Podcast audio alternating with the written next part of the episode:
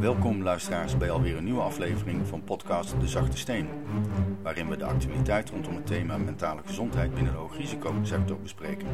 Daarbij schromen we niet om van gebaarde paden af te wijken, kritisch naar heilige huisjes te kijken en de weerstand op te zoeken. Goedemorgen Sven. Goedemorgen Michiel. Ben je weer klaar voor een uh, nieuwe aflevering? Zeker, ik zit er helemaal klaar voor. Jij ook? Mooi, ja zeker. Hey, ik, ga jou, uh, ik ga iets tegen je aanhouden. En het gaat over het uh, thema zelfbewustzijn. En het is natuurlijk zo'n woord waar heel veel, heel veel lading op zit misschien. Um, het is een woord wat ik ook veel in mijn boek gebruik, Ik Weer Trouw. Um, en um, uh, wat het voor mij inhoudt, is als je, als je zelfbewustzijn hebt, dus als je zelfbewust bent, dat je eigenlijk weet uh, wie je bent hè, en dat je weet wat je nodig hebt om uh, fysiek, mentaal, emotioneel en spiritueel in balans uh, te zijn. En dat je goed in contact staat met, nou, met je gevoel en dat je daarna leeft. Hè. Dat, is, dat is voor mij zelfbewustzijn. Eigenlijk, zo moeilijk is het niet. Uh, en, maar ik vind het een heel belangrijk uh, onderwerp om, uh, om daar aandacht voor te vragen. Omdat dat volgens mij, voor, voor mij is dat een hele belangrijke sleutel om eh, veerkrachtig en in balans te blijven. Dus hoe, zeg maar, hoe, hoe zelfbewuster je bent, hoe beter weet dat je wat je nodig hebt om, om in balans te blijven. Ja, hoe gezonder je eigenlijk kan blijven, ook in zo'n complexe werkomgeving als defensie of politie. Nou, wat, wat ik de laatste tijd vaak terugkrijg in mijn coaching, is dat ja, mensen, ik, ik probeer mensen in mijn coaching heel erg zelfbewust te maken. Ze krijgen heel veel zelfinzicht. Ik probeer ze weer terug te brengen naar hun gevoel. En dat ze ook weer getrouw kunnen gaan zijn aan hun gevoel. En dat ze weer goed voor zichzelf gaan zorgen. Dat ze zich gaan uitspreken. Dat ze hun emoties weer gaan tonen. Dat ze echt gewoon weer helemaal weer zichzelf gaan zijn. En de opmerking die ik vaak krijg is van ja, um, uh, letterlijk van. Oké, Michiel, maar jij helpt mensen om zelfbewust te worden. Maar ik, dat, dat mensen niet kunnen geloven dat als, een, als ze militair zijn en zelfbewust, of als ze politieman zijn en zelfbewust, dat ze dan nog uh, vrij ervoor kiezen om in zo'n systeem als defensie of politie actief te zijn. Dus ik krijg letterlijk de opmerking: zelfbewuste militaire of politiemensen die kiezen toch niet meer voor het werken in zo'n systeem waar ze verteld wordt wat ze moeten doen. En um, ik was wel even heel erg benieuwd hoe jij hier naar kijkt. Uh, dus je ziet mensen een error maken als, als zelfbewust en actief zijn in zo'n hoogrisico-organisatie. Snap je een beetje wat ik uh, probeer te zeggen? Ik, ik hoop het. Ik vind die opmerking die je dan krijgt, vind ik op zich opmerkelijk. Want bij elk dienstverband wat je aangaat, uh, wordt je gewoon verteld wat je moet doen. Daar zijn toch regels voor. En dat, dat geldt niet alleen voor hoog risicoberoepen, maar dat geldt ook gewoon in het bedrijfsleven. Er zal altijd een manager of een uh, leidinggevende boven je staan die, die vertelt van, joh, we moeten vandaag dit en dit gaan doen.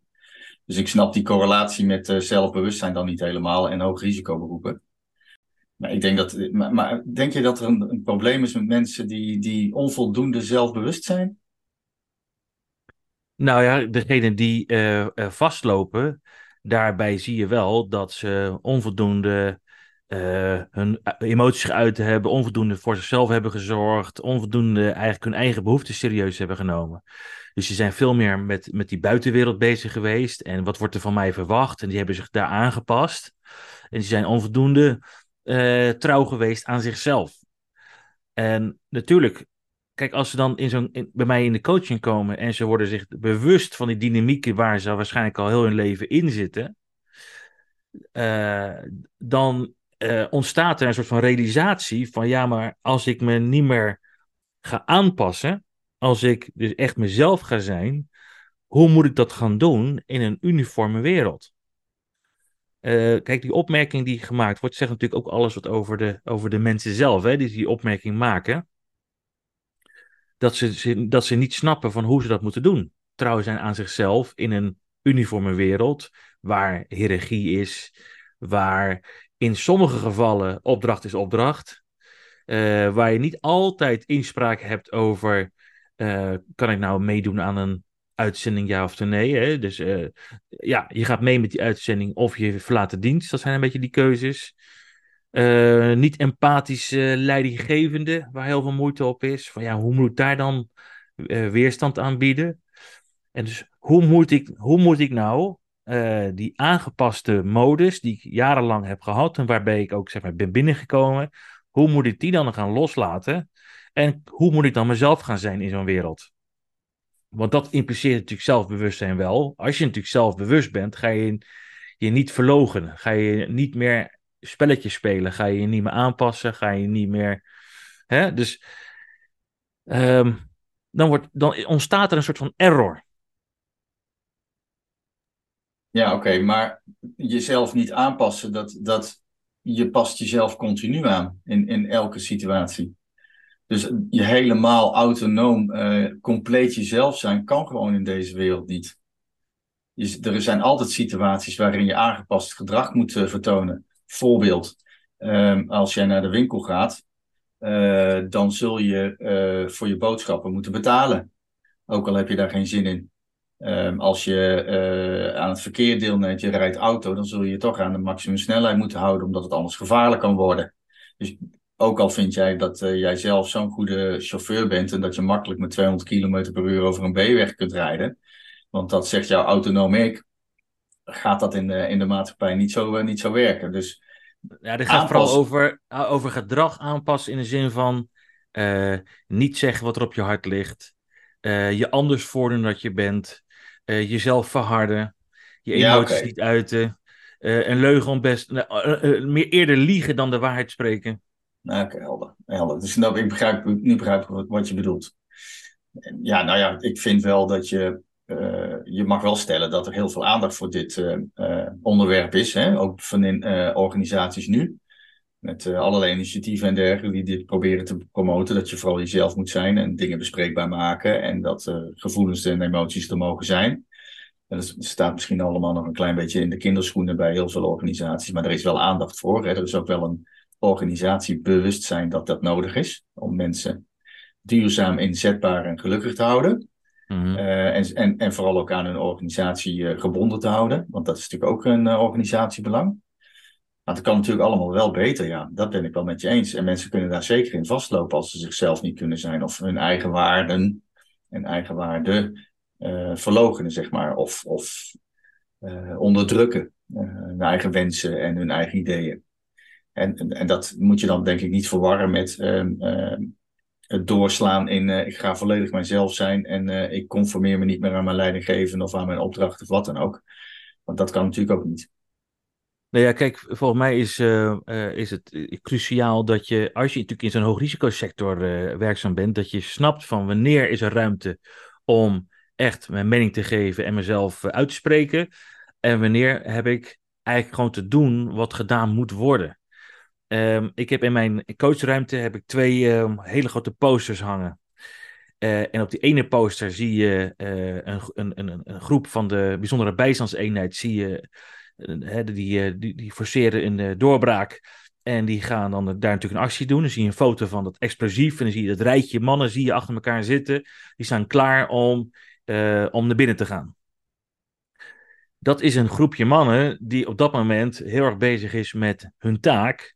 En veel minder bezig is met hun eigen gevoel en hun emoties. En hoe, wat, is, wat doet dit voor mij? Nee, die zijn bezig met we gaan rammen, we gaan gas geven, we gaan ons ding doen. En wat het voor mij betekent, is even op dit moment van secundair belang. En aan de andere kant van de ruimte heb ik een poster van mijn hand met het handje van mijn dochter Lisa toen ze een week oud was. Dan zie je natuurlijk mijn grote hand met een heel klein handje erin. En ik zeg altijd van volgens mij is de kunst dat je weet wanneer je dus gas moet geven en je taak moet doen. En wanneer je weer kan, gewoon kan terugschakelen naar jezelf. En naar ook weer een liefdevolle papa zijn of een liefdevolle partner. Of gewoon wanneer je weer uh, wel uh, je gevoel kan uiten en met jezelf kan bezig zijn, zeg maar. Dus dat schakelen tussen die twee, dat is wat mij betreft is het ook zelfbewustzijn. Dat je snapt, ik, ik ben in een hoogrisicosector actief en hier heb ik in, op het mamam prem gewoon te doen wat gedaan moet worden. En dat is denk ik wel sleutel, hè? dat je die, tussen die twee weet te schakelen. Uh, maar dat betekent wel dat je dus weet van wat moet ik doen als die knop uit is naar mijn eigen gevoel en gewoon taakgericht bezig zijn. Dat, daar is volgens mij uh, de Nederlandse krijgsmacht en de politie juist al heel erg goed mee bezig. Maar wanneer kan ik ook weer, als we bijvoorbeeld op de kazerne zijn of uh, of ik ben weer thuis. Of we hebben de actie gedaan en we zijn aan het debrieven. Volgens mij zijn dat momenten dat je gewoon weer echt volledig jezelf kan zijn. En ook je mening mag geven en je gevoel mag uit en al die toestanden. Uh, en, en, en wanneer kan je nou... Wanneer sta je uit met je gevoel en wanneer sta je aan?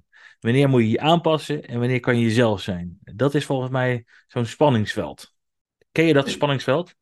Ik denk dat je dat, uh, ik denk dat, dat heel um, lokaal afhankelijk is. Ook van leidinggevende, van de eenheid waar je bij dient. Uh, wat daarin zeg maar de morus is, de, de bedrijfscultuur. En ik denk zelfs dat dat, als je het alleen maar bij Defensie bekijkt, dat dat zelfs bij krijgs, per krijgsmachtdeel al, al uh, anders is. Met de cultuur en, en gewoontes die ze daar hebben. En de manier waarop ze met elkaar omgaan. Hè, voorbeeld, bij de, de luchtmacht gaan ze veel, is een veel plattere organisatie. Dan gaan ze veel informeler met elkaar om dan bijvoorbeeld met de marine. En ik denk dat uh, waar je minder hiërarchie hebt, denk ik dat zo'n omgeving, zo'n werkomgeving, veel meer uitnodigt om jezelf te kunnen mogen zijn. En ik denk dat daar ook wel een sleutel in ligt. En met name ook in leidinggevenden die dat kunnen stimuleren. En als, hij, als die het goede voorbeeld geeft, dat hij, hij of zij dat dat gedrag laat zien dat je van, joh, nu moeten we presteren, nu, nu gaat het erom en moeten we ons werk doen, maar daarna is er ruimte om, uh, om stoom af te blazen, jezelf te zijn, je mening te geven, suggesties te doen, uh, kritiek te, te hebben, uh, boos, bang of wat dan ook te zijn, hè? al die, die emoties die dan bovenkomen. Als je daar dan de ruimte aan geeft, dan denk ik dat je in een gezonde werkomgeving zit. Hè? Dat ook met een gezond werkklimaat. En ik denk, maar ik denk overigens niet dat dat alleen maar afhangt van, van hoogrisicoberoepen hoor. Ik denk dat dat veel breder in de maatschappij zo is. Ik denk dat het in, in, in sectoren als het onderwijs of het bedrijfsleven net zo is. En die spanning en die stress in het bedrijfsleven, uh, waar belangen enorm groot zijn, worden ook wel eens onderschat. En als, als je daar dan ook continu op, onder hoogspanning moet uh, presteren en je conformeren en aanpassen aan die opdracht, en er is dan ook geen ruimte voor, ontspanning, jezelf zijn en nou ja, zeg maar in een veilige omgeving kritiek, suggesties te geven en dergelijke, ja, dan gaat het denk ik mentaal ook wel mis. Nou ja, zeker. Kijk, het is, dat geldt inderdaad niet alleen maar voor de hoogrisicosector. Het geldt voor heel, veel beroepsgroepen. Eigenlijk voor iedereen dat volgens mij zelfbewustzijn cruciaal is om gewoon fysiek en mentaal gezond te blijven. Ehm, en ik snap ook wel, bijvoorbeeld als je natuurlijk als advocaat werkt, dat je ook de stress hoog is, de belangen groot zijn. En dat, dat wil nogal. Uh, dat geldt ook voor andere, uh, wat misschien wel ook bedrijfsleven, waar ook de, de stress heel erg groot is. Maar wat natuurlijk die hoogrisicosector kenmerkt, is dat je als, vooral als je natuurlijk als diender op straat werkt of als militair op uitzending bent, dat je natuurlijk wel, dan is die stress wel echt giga. En de, de kans dat je blootgesteld wordt aan allerlei menselijk leed en extreme situaties, die is natuurlijk ook veel groter. En, en, en daarom vind ik eigenlijk juist voor zo'n hoogrisicosector dat het jezelf goed kennen en goed weten wat je nodig hebt, dat het in die sector extra belangrijk is, omdat het zo belangrijk is om al die stress en al die ellende die je voor je kiezen krijgt, om die ook goed te kunnen verwerken. En uh, dus ik zie het in mijn praktijk gewoon heel erg dat als die, als die eigenheid en de ruimte om jezelf te zijn, als die heel erg beperkt is en je maakt van alles mee, dat is echt een giftige cocktail. Um, en je, je noemde al een aantal, hè, dus je, die krijgsmachtsonderdelen, die verschillen ook in cultuur. En uh, wat ik gewoon, ik, ik, ik heb de luxe, en dat vind ik echt een hele mooie, rijke positie, dat ik heel veel verschillende uh, professionals mag coachen.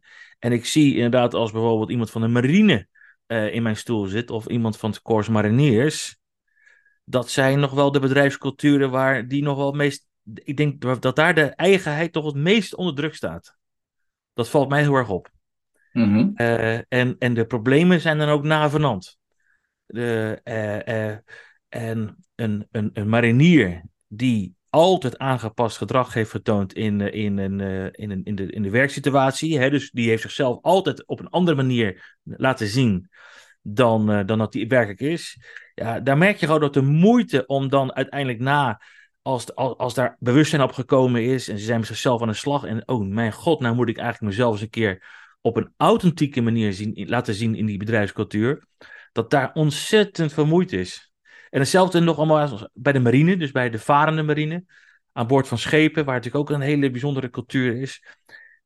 Ik, nogmaals, bij mariniers en bij marinemensen uh, ervaar ik dat daar de moeite om zichzelf te zijn het allergrootste is. En waar, waar merk je dat aan dan? Nou ja, omdat ze dan. Ik mag hè, nog wel eens verschillende mensen helpen. En als ik een marinier of een marineman in mijn stoel heb. En, en we, we gaan aan de slag. En ze worden bewust van: hé, hey, ik heb me altijd aangepast. Ik heb, me ik heb het nooit echt uitgesproken. Ik heb nooit mijn mening durven te geven. En ik moedig ze aan om vooral wel zichzelf te zijn. Hè, thuis en bij de familie en bij vrienden. Maar ook op het werk. Ja, dan zie je, dan zie je dat die drempel heel erg groot ervaren wordt. Ja, geef, geef daar eens een voorbeeld van. Maak dat eens duidelijk voor me. Um, ja, een voorbeeld. Ik, wil natuurlijk geen, uh, ik kan geen namen noemen, maar een onderofficier van het Corps Mariniers die uh, een, een, zeer rijke staat van diensten heeft, uh, meerdere uitzendingen heeft gedaan. Ehm, nou, dat, dat, is ook een verhaal uit mijn boek, die uiteindelijk, zeg maar, die heeft een, een, een lastige een zeer lastige jeugd gehad. En die heeft als kind heeft uh, het afgeleerd om zichzelf te uiten, om hulp te vragen, om op te vallen. Dus die heeft geleerd om in de pas te lopen en een beetje mee te doen, zich, zich um, heel erg uniform te gedragen. Is, is marinier geworden en heeft datzelfde gedrag wat hij als kind ontwikkeld heeft, heeft hij ook bij het korps gedaan. Dus die heeft zich heel erg in de pas gelopen die heeft nooit echt zijn mening gegeven, heeft vaak gewenste antwoorden gegeven.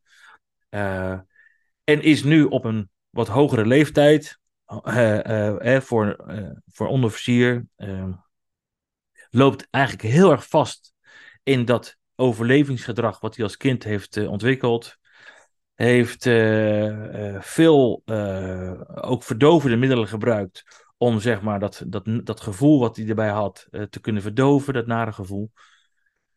Heeft meerdere hulptrajecten gedaan bij de MGGZ. Is daar niet, ja, heeft daar ook gewenst gedrag laten zien. En is dus nooit goed geholpen geweest.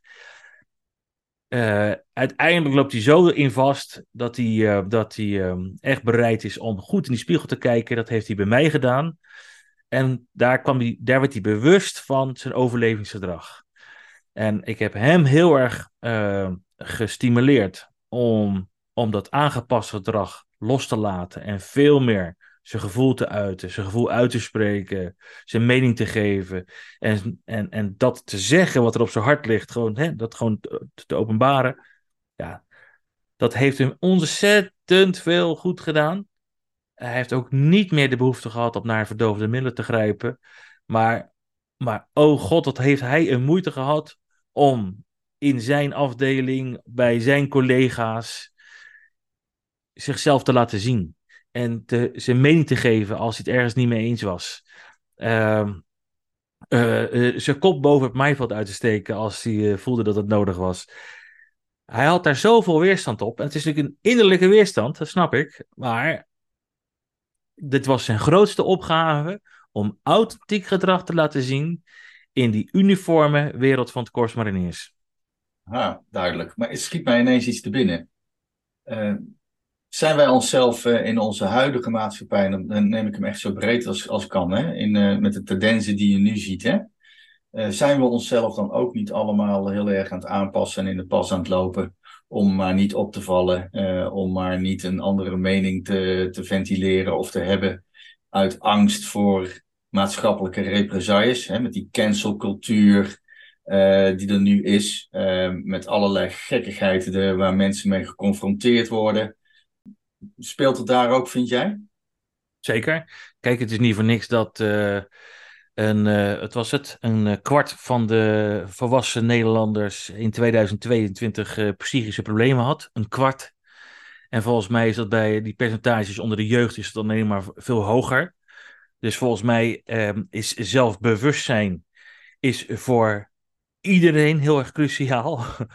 En als we daar als maatschappij veel meer aandacht voor gaan hebben van wie ben jij nou in de kern. En dat er ruimte is voor je mening en dat je je niet zo hoeft te meten aan anderen. En dat, daar is natuurlijk dat social media is natuurlijk, is natuurlijk heel krachtig, maar ook weer een enorme valkuil. Want daar worden de mooiste plaatjes geschetst. En iedereen probeert zich daar maar een beetje aan te, aan te, aan te meten. Uh, uh, ja, er mag veel meer aandacht zijn voor authenticiteit. En uh, aandacht voor wie ben jij nou als uniek mens. dus het is een maatschappij breed probleem, die volgens mij extra urgent wordt in zo'n hoogrisico-omgeving, omdat, je, omdat het gewoon een extreme omgeving is, waar je gewoon heel veel voor je kiezen krijgt. En waarbij je dus als je uit balans bent, dat, dat die balans alleen maar, uh, uh, dat die disbalans alleen maar uitvergroot wordt als je maar continu in zo'n aanpassingsmodus zit. Dus het is een, dit is een thema wat uh, volgens mij vanaf uh, uh, de eerste dag dat je naar school gaat, nou ja, eigenlijk in de opvoeding al, de eerste keer dat je je adem haalt, dat het aandacht mag hebben. Wie ben jij? Ja. Hey, maar maak de vertaalslag eens voor me als je wil naar die hoogrisicoberoepen. Hè? Wat, wat zou jij dan voorstellen om in training, samenwerking of wat dan ook, opleidingen te veranderen om dit soort gedrag, zeg maar, en authenticiteit te stimuleren. Nou, volgens mij gaat er ontzettend veel goed, hè? En is er heel veel aandacht voor het fysieke en ook steeds meer voor het mentale component. Maar is er heel weinig tot geen aandacht voor het emotionele en misschien ook wel het spirituele deel. En uh, het emotionele is, gaat natuurlijk over echt emoties. Wat leeft er allemaal in je? Dat je dat de ruimte mag geven. En de spirituele gaat er voor mij over dat je weet waar je als mens eigenlijk voor staat. Wat je hier komt doen op deze aardkloot. Wat, je wil wat is je missie hier in het leven? En hoe je dat kan stimuleren is natuurlijk, ja, soms moet er gewoon gedaan worden wat er gedaan moet, moet worden. Maar als, dat, als het werk gedaan is, mag er dus ruimte zijn van oké, wat vond je hiervan? Uh, geef je mening eens. Uh, wat heeft het met je gedaan? Wat leeft er nu in jou? Deel het eens met, de, met, de, met ander. En, dat, en dat je dat vanaf dag één dat je in die sector aanwezig bent, dat je dat leert. Want als je dat niet als kind geleerd hebt, moet je dat juist wel gaan leren in deze sector. Um, dus er mag zo'n zo'n schakeling zijn dat je gaat rammen wanneer je moet rammen. En als het rammen gedaan is, dat, er dus, dat het automatisme wordt dat je met elkaar gaat delen wat er in je leeft omdat, omdat begrepen wordt dat het cruciaal is om dat werk in dat complexe, zo'n complexe werkomgeving goed te kunnen doen. Dat het, dat, het, dat het professioneel is als jij een mening geeft. Dat het professioneel is als jij je uit of vragen stelt of kritisch bent. Dat, het niet, dat je niet lastig gevonden wordt omdat je dan uh, geen uniform gedrag toont. Nee, maar dat het juist gezien wordt als een kracht. Nou, wat je nu zegt, uh, daar kan ik me wel achter uh, scharen. Maar dat zal heel veel water door de zee moeten, wil je dat gaan realiseren in hoog risicoberoepen. Dan zal dat, dat betekent een complete cultuuromslag. En dat betekent ook dat uh, management en, en, en leidinggevende ja, het roer eigenlijk meteen helemaal om moeten laten of moeten gaan gooien, want dat zijn ze niet gewend. Nee. Vaak, vaak wordt kritiek of je mening geven als bedreigend gezien. Ja. Het gaat om posities, niet om resultaten. Ja, en het bizarre is, voor mij is het zo dat als je, hoe authentieker je bent, hoe betrouwbaarder je voor mij wordt. Want uiteindelijk uh, is, het mijn, is het mijn, wat ik geleerd heb in het werk wat ik heb gedaan, is mensen die altijd maar uh, een soort van uh, toneelvoorspelling spelen, die worden ontmaskerd op het moment suprem. Dus als de stress echt hoog is en de risico's zijn daar, dan komt die authentieke zelf naar boven. Nou, dan zie ik die liever al in trainingsscenario's en gewoon in vredestijd, dan dat ik daar pas achter kom als, uh, als ik je echt nodig heb. Uh, uh, dus hoe authentieker, hoe meer je vragen stelt, hoe meer je jezelf laat zien in, in oefenscenario's, gewoon op de kazerne of, of in opleidingen. hoe meer ik weet wie jij bent en hoe, meer, hoe betrouwbaarder je voor mij wordt in ernstscenario's. En dat is 180 graden anders denken. En uh, uh, kijk, we leven niet meer in de cultuur van uh, ik blaas op mijn fluitje en je, gaat, je gaat maar rennen. En als je dat niet doet, dan word je gestraft. Ja, dat is, dat is misschien in het verleden zo geweest. Maar dat is niet meer anno 2023. Ik, ik hoop dat we echt we gaan toebewegen naar, een, naar, een, naar organisaties die snappen van we hebben echt mensen nodig die met hart en ziel dit werk doen die snappen waar ze ingestapt zijn, die zichzelf heel goed kennen, die uh, wel over, overwogen uh, keuzes kunnen maken en beslissingen kunnen nemen, die, uh, die, de, die er zuiver in zitten en zich inspannen om de missie met zo'n groot mogelijk succes te volbrengen. Oké, ja. en dat, maar dat, dat vereist nog wel wat aanpassingen, niet alleen in um, in werving, selectie, opleiding, training, maar ook on the job zelf gedurende je loopbaan. En dat, dat, dat vereist gewoon een cultuurverandering. Ja. Dat vereist denk ik wel aanpassing van de organisatie aan, aan zo'n nieuwe uh, manier van, uh, van werken. Ja, dus die vraag die ik in mijn coaching krijg van coaches die, uh, die zichzelf leren ontdekken en meer zelfbewustzijn krijgen, is helemaal niet zo gek. Want dat hebben ze omdat ze toch ervaren dat het in het huidige cultuur. Uh, ervaren zij in ieder geval heel weinig ruimte voor eigenheid. En um, ik sta, ja, als, als je zelfbewustzijn een, als belangrijke pijler in die organisaties gaat brengen, dan moet er inderdaad een hele hoop veranderen. En dat begint maar dan dat, dat we dit met elkaar uitspreken. En uh, wat je nu namelijk ziet, is als die cultuur blijft zoals die is, dan zou je ook nog steeds heel veel mensen hebben die daar tegenaan lopen en die daar zichzelf in kwijtraken en die daarin vastlopen, ziek worden, uh, uitvallen, weggaan. Dat is ook de huidige situatie. Kijk, en je ziet het ook in de huidige maatschappij. Ik noemde net die percentages. Weet je wel, als je doet wat je deed, krijg je wat je kreeg. Dus dan blijven, dan blijven heel veel jongeren ook uh, uh, vastlopen. Heel veel ouderen die in de, in de, in de volwassenen die in de, in de psychische problemen komen. Volgens mij is ehm, zelfbewustzijn is, is de sleutel naar een ehm, gezond en veerkrachtig leven.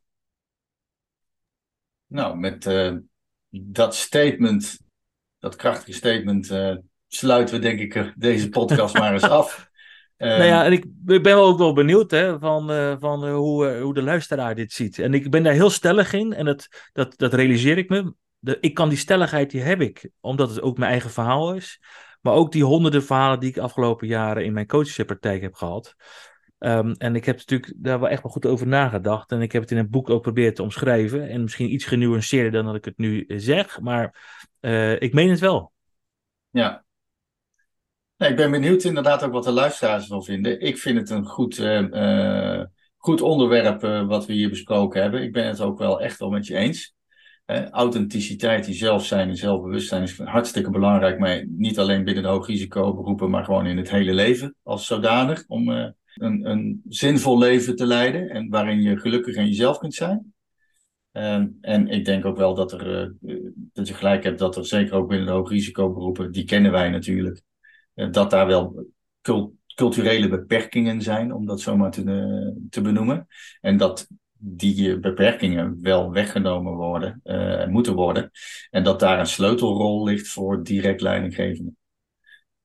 En, en ik zou willen zeggen aan die leidinggevenden en mensen die de podcast luisteren, nou pak die handschoen eens op en ga die verandering eens uh, in gang zetten. En, uh, en kijk eens wat het brengt. Ja, dit, uh, jij nou maaien wat gras voor mijn voeten weg. Want dit is namelijk een onderwerp wat ik de volgende keer graag wil inbrengen. de rol van de leidinggevende. Dus die parkeren we tot de volgende keer. Hartstikke goed, gaan we doen. Alright Sven, dankjewel hè. Jij ook, tot de volgende.